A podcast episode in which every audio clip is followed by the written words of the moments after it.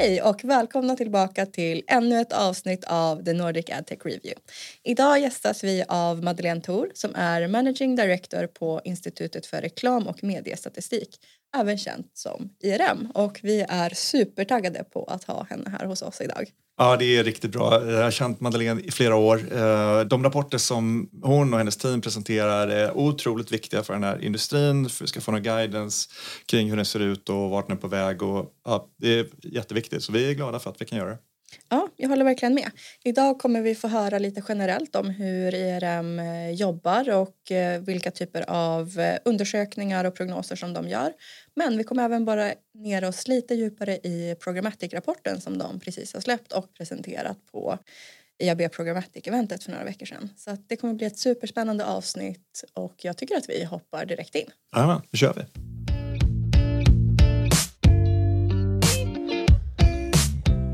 Hej Madeleine, välkommen till podcasten. Vad kul att ha dig här.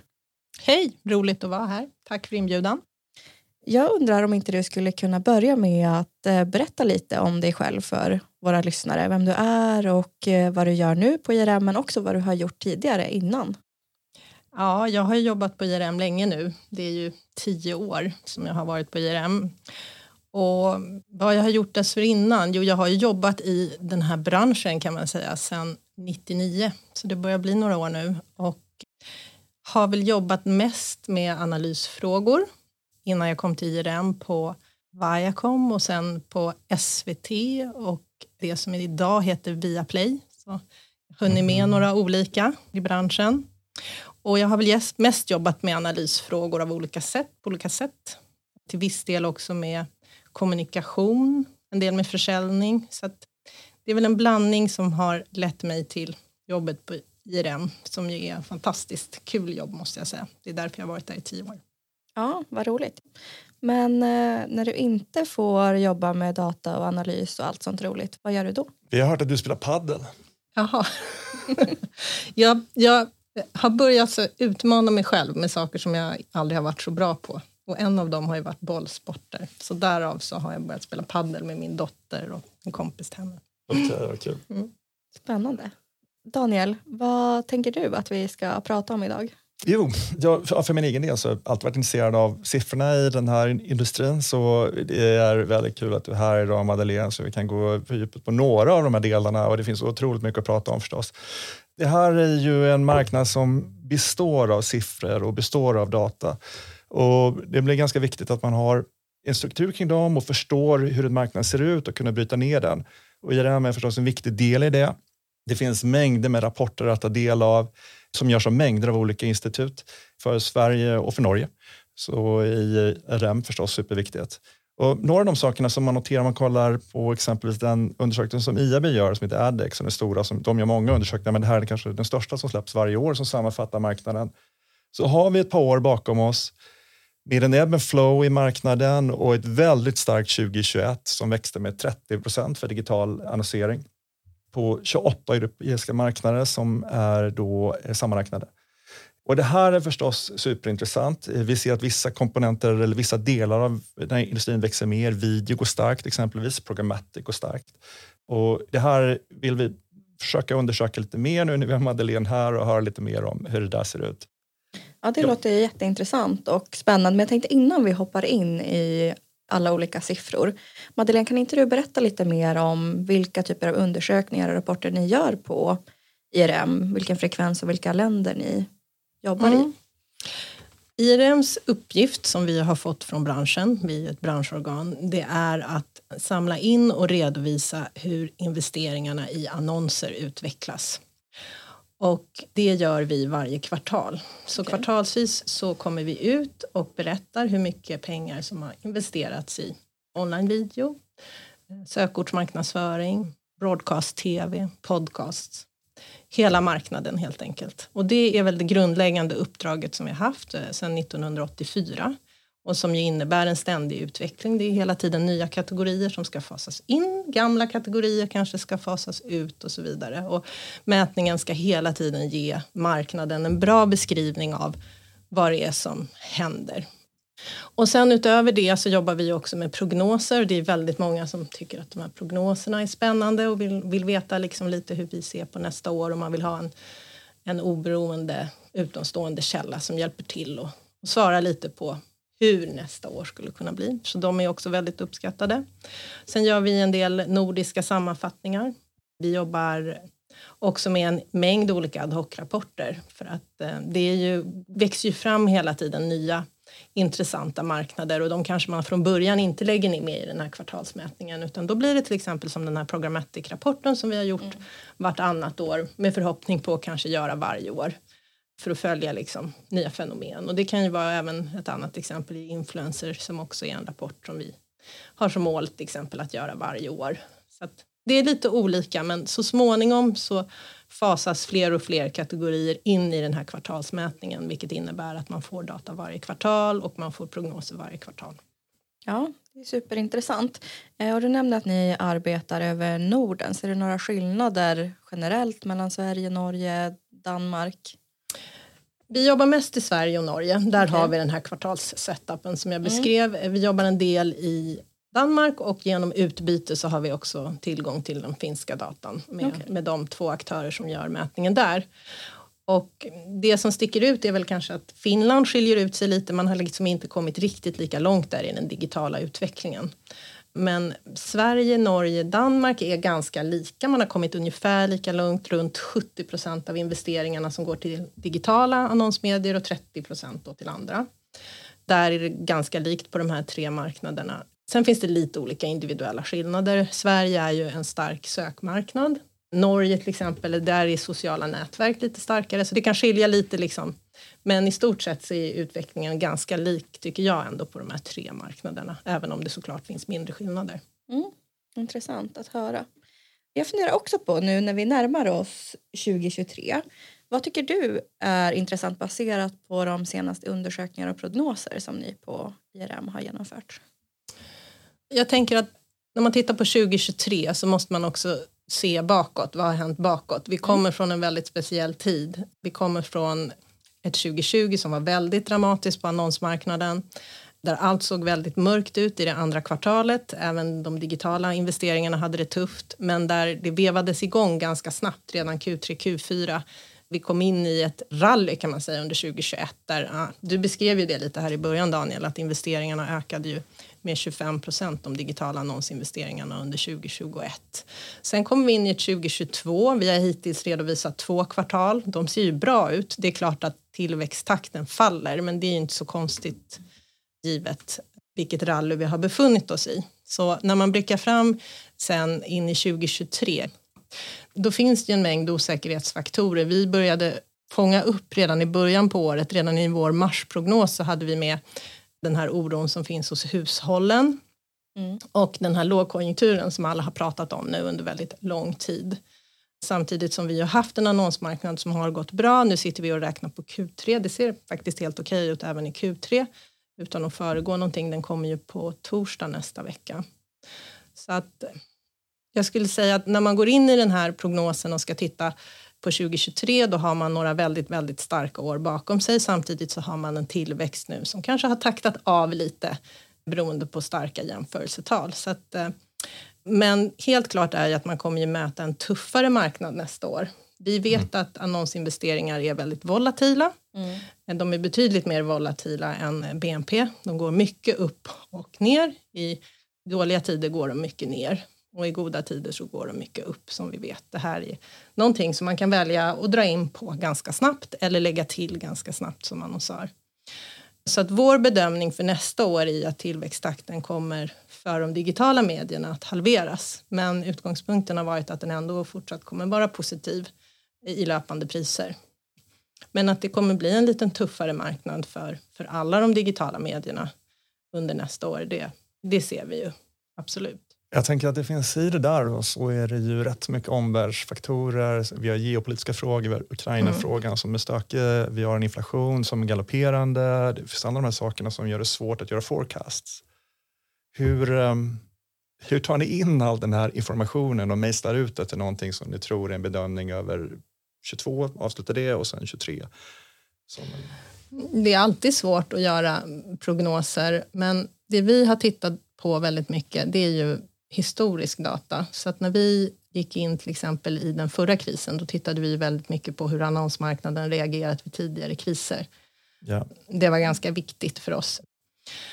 Vi tittade mycket på de två senaste kriserna och vi tittade inte bara i Sverige utan vi tittade lite på lite andra europeiska marknader också. Och då beskrev vi liksom återhämtningen och hur den hade sett ut. Och det använde vi ganska mycket för att hjälpa oss kring liksom hur djup kan krisen bli. Och vi tittar väldigt mycket på hur annonsmarknaden har reagerat vid olika händelseutvecklingar av BNP, för att de är ju nära korrelerade. Så att om BNP har utvecklats på ett visst sätt, hur har då annonsmarknaden utvecklats? Hur har det slagit? Det har varit ganska viktigt. Och det man kan säga att den prognos som vi presenterade i september, då är det ganska baserat på hur såg BNP-prognoserna ut då? Ja. Så om vissa BNP-prognoser ligger kanske på litet minus då, vissa andra BNP-prognoser låg liksom plus. Jag ska kanske se om jag kan ta fram den rapporten här. Så det är ganska avgörande. Det är klart att nu kommer vi ganska snart att lägga en ny prognos. Och om de här BNP-prognoserna då har sjunkit och man har blivit mer negativ kring utvecklingen framöver från bankerna, då kommer det att slå på IRMs prognos för 2023. Just det. Så att om man tittar på hur bankerna i september såg på BNP-konjunkturen under 2023 så hade de flesta hade ju någonstans runt nollan. Vissa lutade över lite till minus. Det gjorde det. Vissa hade liksom plus som var under en procent tillväxt. Just Och det. det, det föranleder ju inte en jätte, jättetuff annonsmarknad. Medan som BNP liksom skulle sjunka med, alltså om de skulle komma med mycket, mycket tuffare prognoser, då skulle vi ha anledning att sänka våra utsikter mycket mer. För det. när man tittar på lite längre sikt så är ju det här är en viktig parameter. Historisk data, hur, hur har annonsmarknaden reagerat vid den här typen av... Sen måste man självklart ta, ta hänsyn till liksom parametrar som gäller här och nu. Coronakrisen var ju väldigt speciell också för att Mm. den drev ju på digital konsumtion, den drev på e-handeln och så vidare. Det fick jättestora konsekvenser för efterfrågan på digitala annonser. Så att varje kris har ju sina liksom unika features kan man väl säga.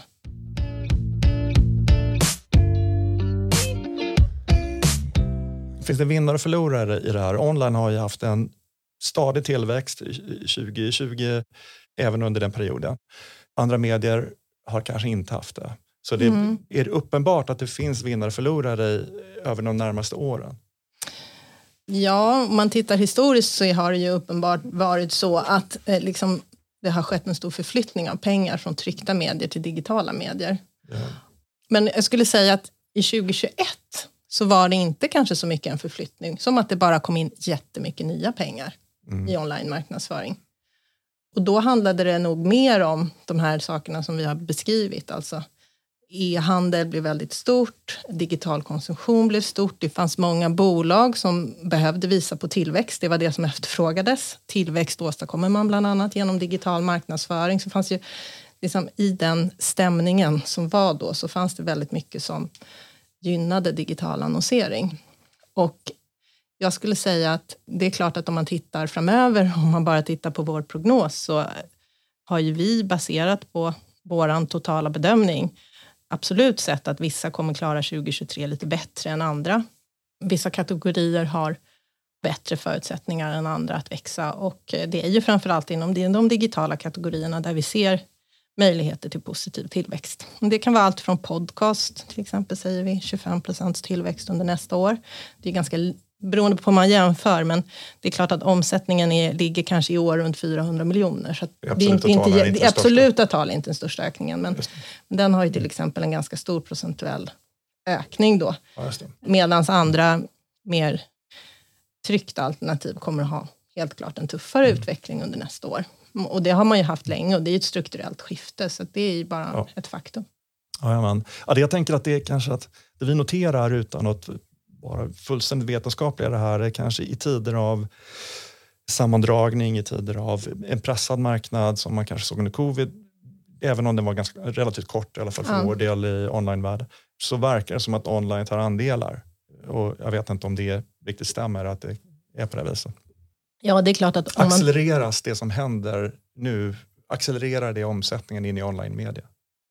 ja, det gjorde det under de här uh, covidåren, absolut. Ja, just det. Det var ju 6,5 miljard kronor som kom in i den digitala marknaden under 2021 som på något sätt också en konsekvens av covid. Mm. Så det har ju varit en accelererande tillväxt. Men det är inte en, så här, om vi tittar på 2022 nu, där vi har två kvartal hittills summerade, så ser vi ju att tillväxten nu kommer ju att avta. Men den är fortsatt ja. positiv ska vi komma ihåg. Men, eh, men den kommer ju ligga i OAR Ja, enligt vår prognos som vi la senast här så kommer den ligga kanske på 12 procent och den kommer vi snart uppdatera.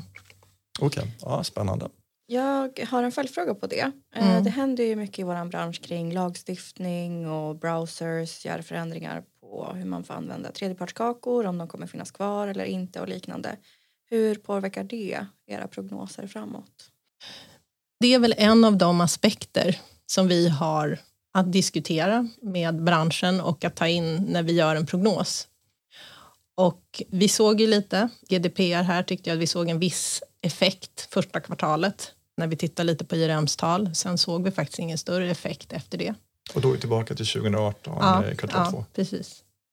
Så att um, jag tror att det handlar om här att branschen ska hitta bra lösningar och föra den dialog som branschen idag redan för mm. kring de här sakerna. Vi kommer att fortsätta att samla in siffrorna och försöka därmed samla kunskap kring hur sånt här kan påverka och hur branschen kan hantera det här. Ja, just det.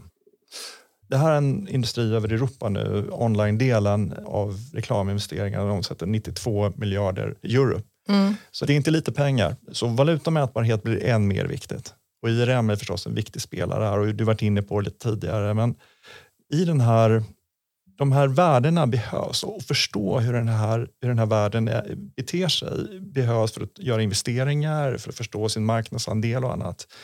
Och apropå det vi var inne på inledningsvis, jag antar att det här är en, en av de anledningarna till att IRM presenterar sina rapporter och gör de här undersökningarna.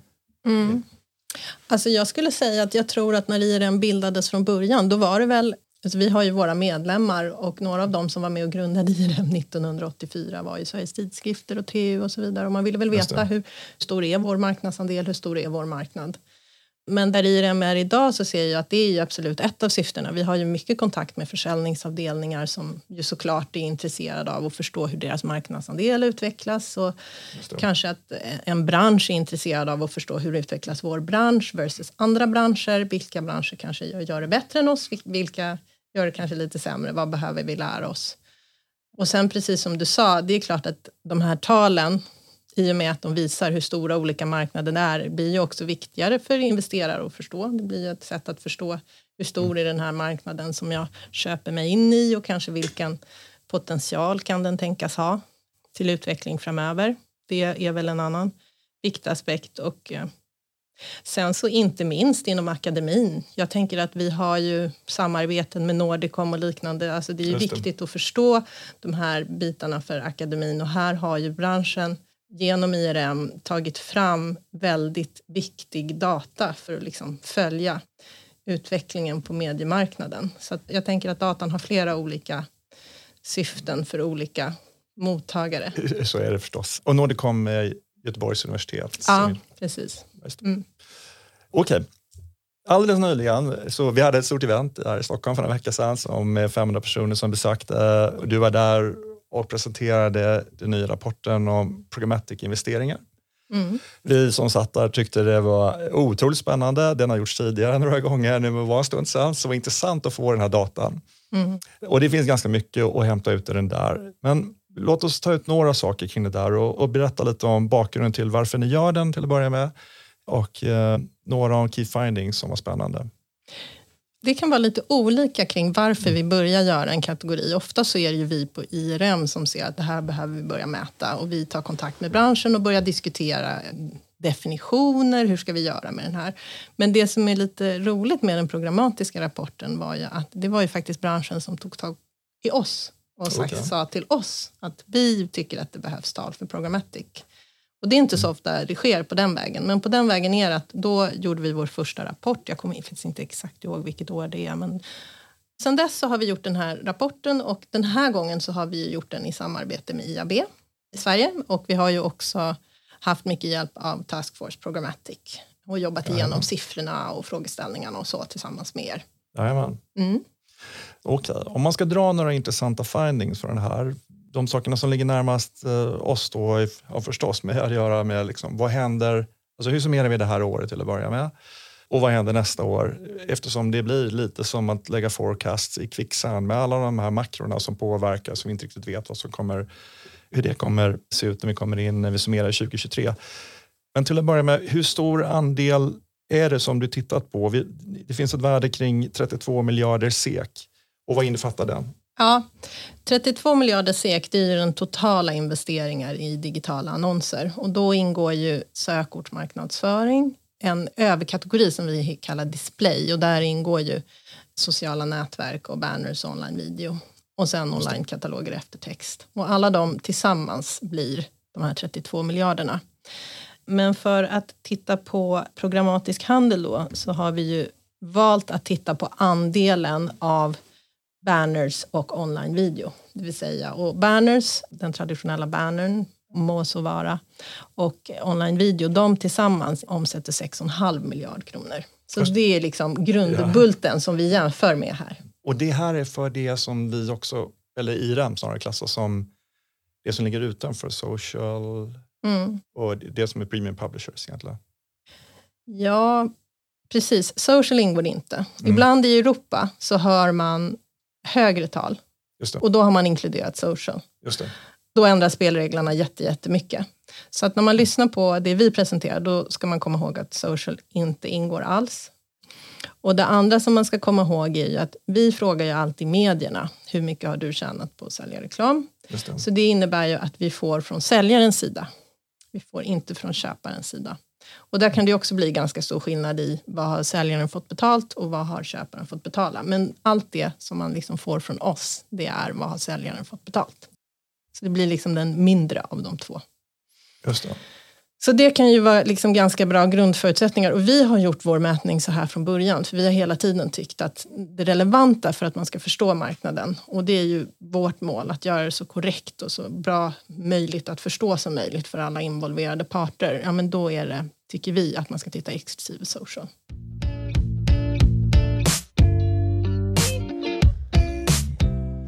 Om man går tillbaka då från vad vi är idag, snart stänger vi det här året tillbaka till 2020 där skiftet ändrades. Mm. Vad, hur, vad hände då? Vilka var de styrande komponenterna som gjorde att skiftet blev av?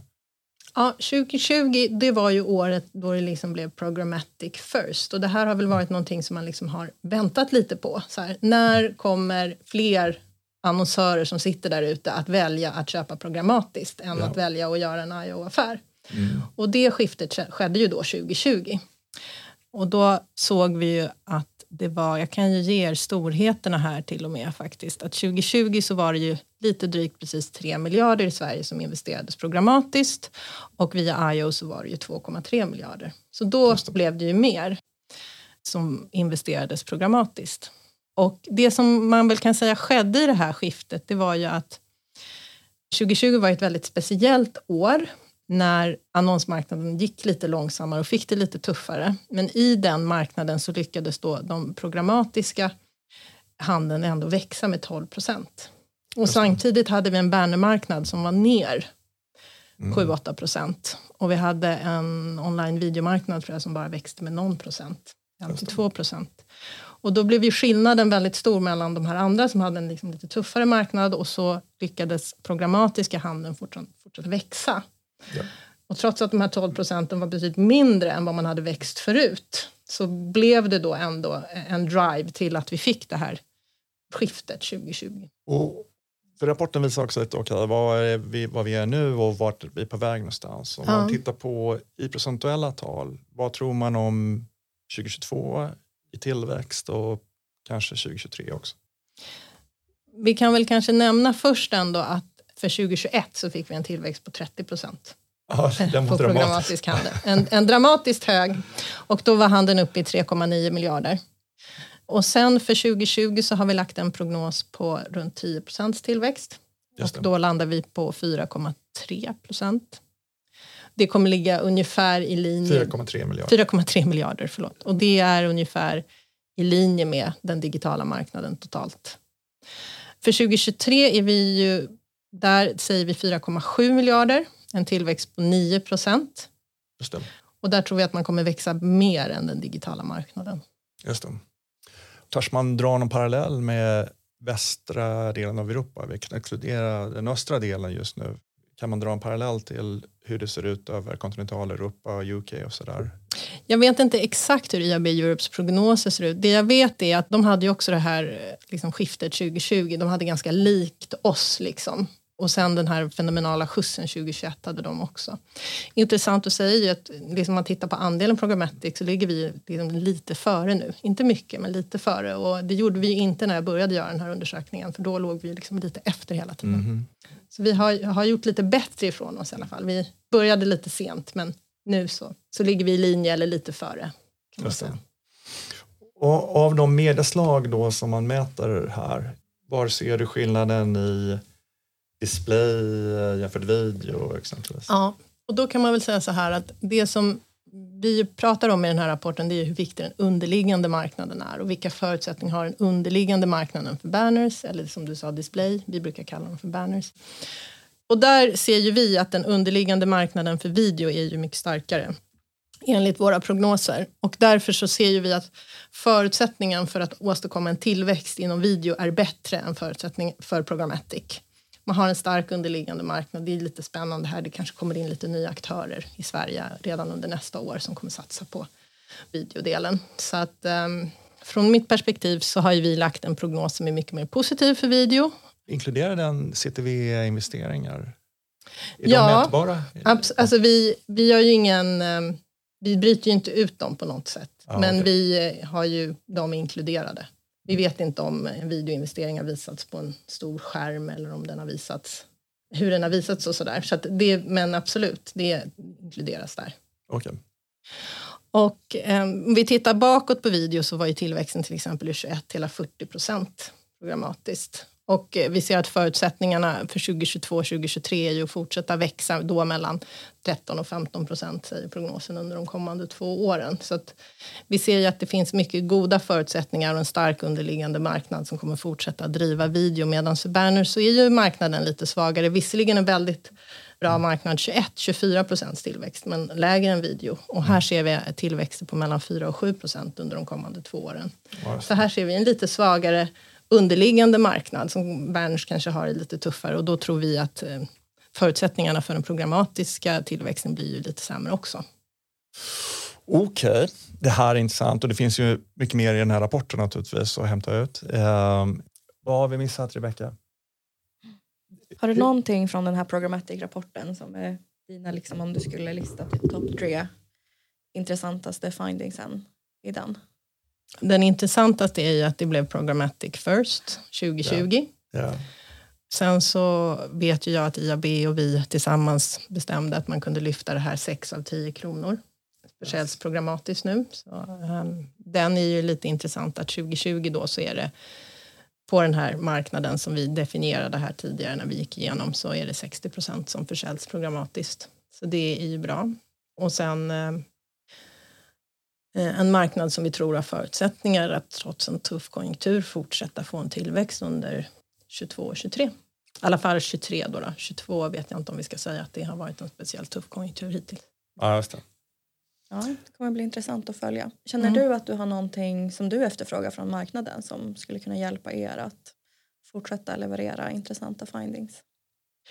Vi skulle ju gärna se eh, att den här rapporten kan göras årligen och det här upplägget nu som vi hittade med IAB tyckte vi var bra Mm. och jag hoppas att eh, liksom IABs medlemmar också tycker att det var bra. Och det är ju väldigt bra att ha en taskforce att samarbeta med kring frågeställningar och kring vad man själv tycker är viktigt och sen så har man ju när man samarbetar med en taskforce på det sättet också en lätt ingång på alla att liksom både ställa frågor och, och se liksom hur vi kan jobba vidare med den här mätningen på det sätt som marknaden vill. För den dialogen är ju väldigt viktig för oss på IRM. Mm.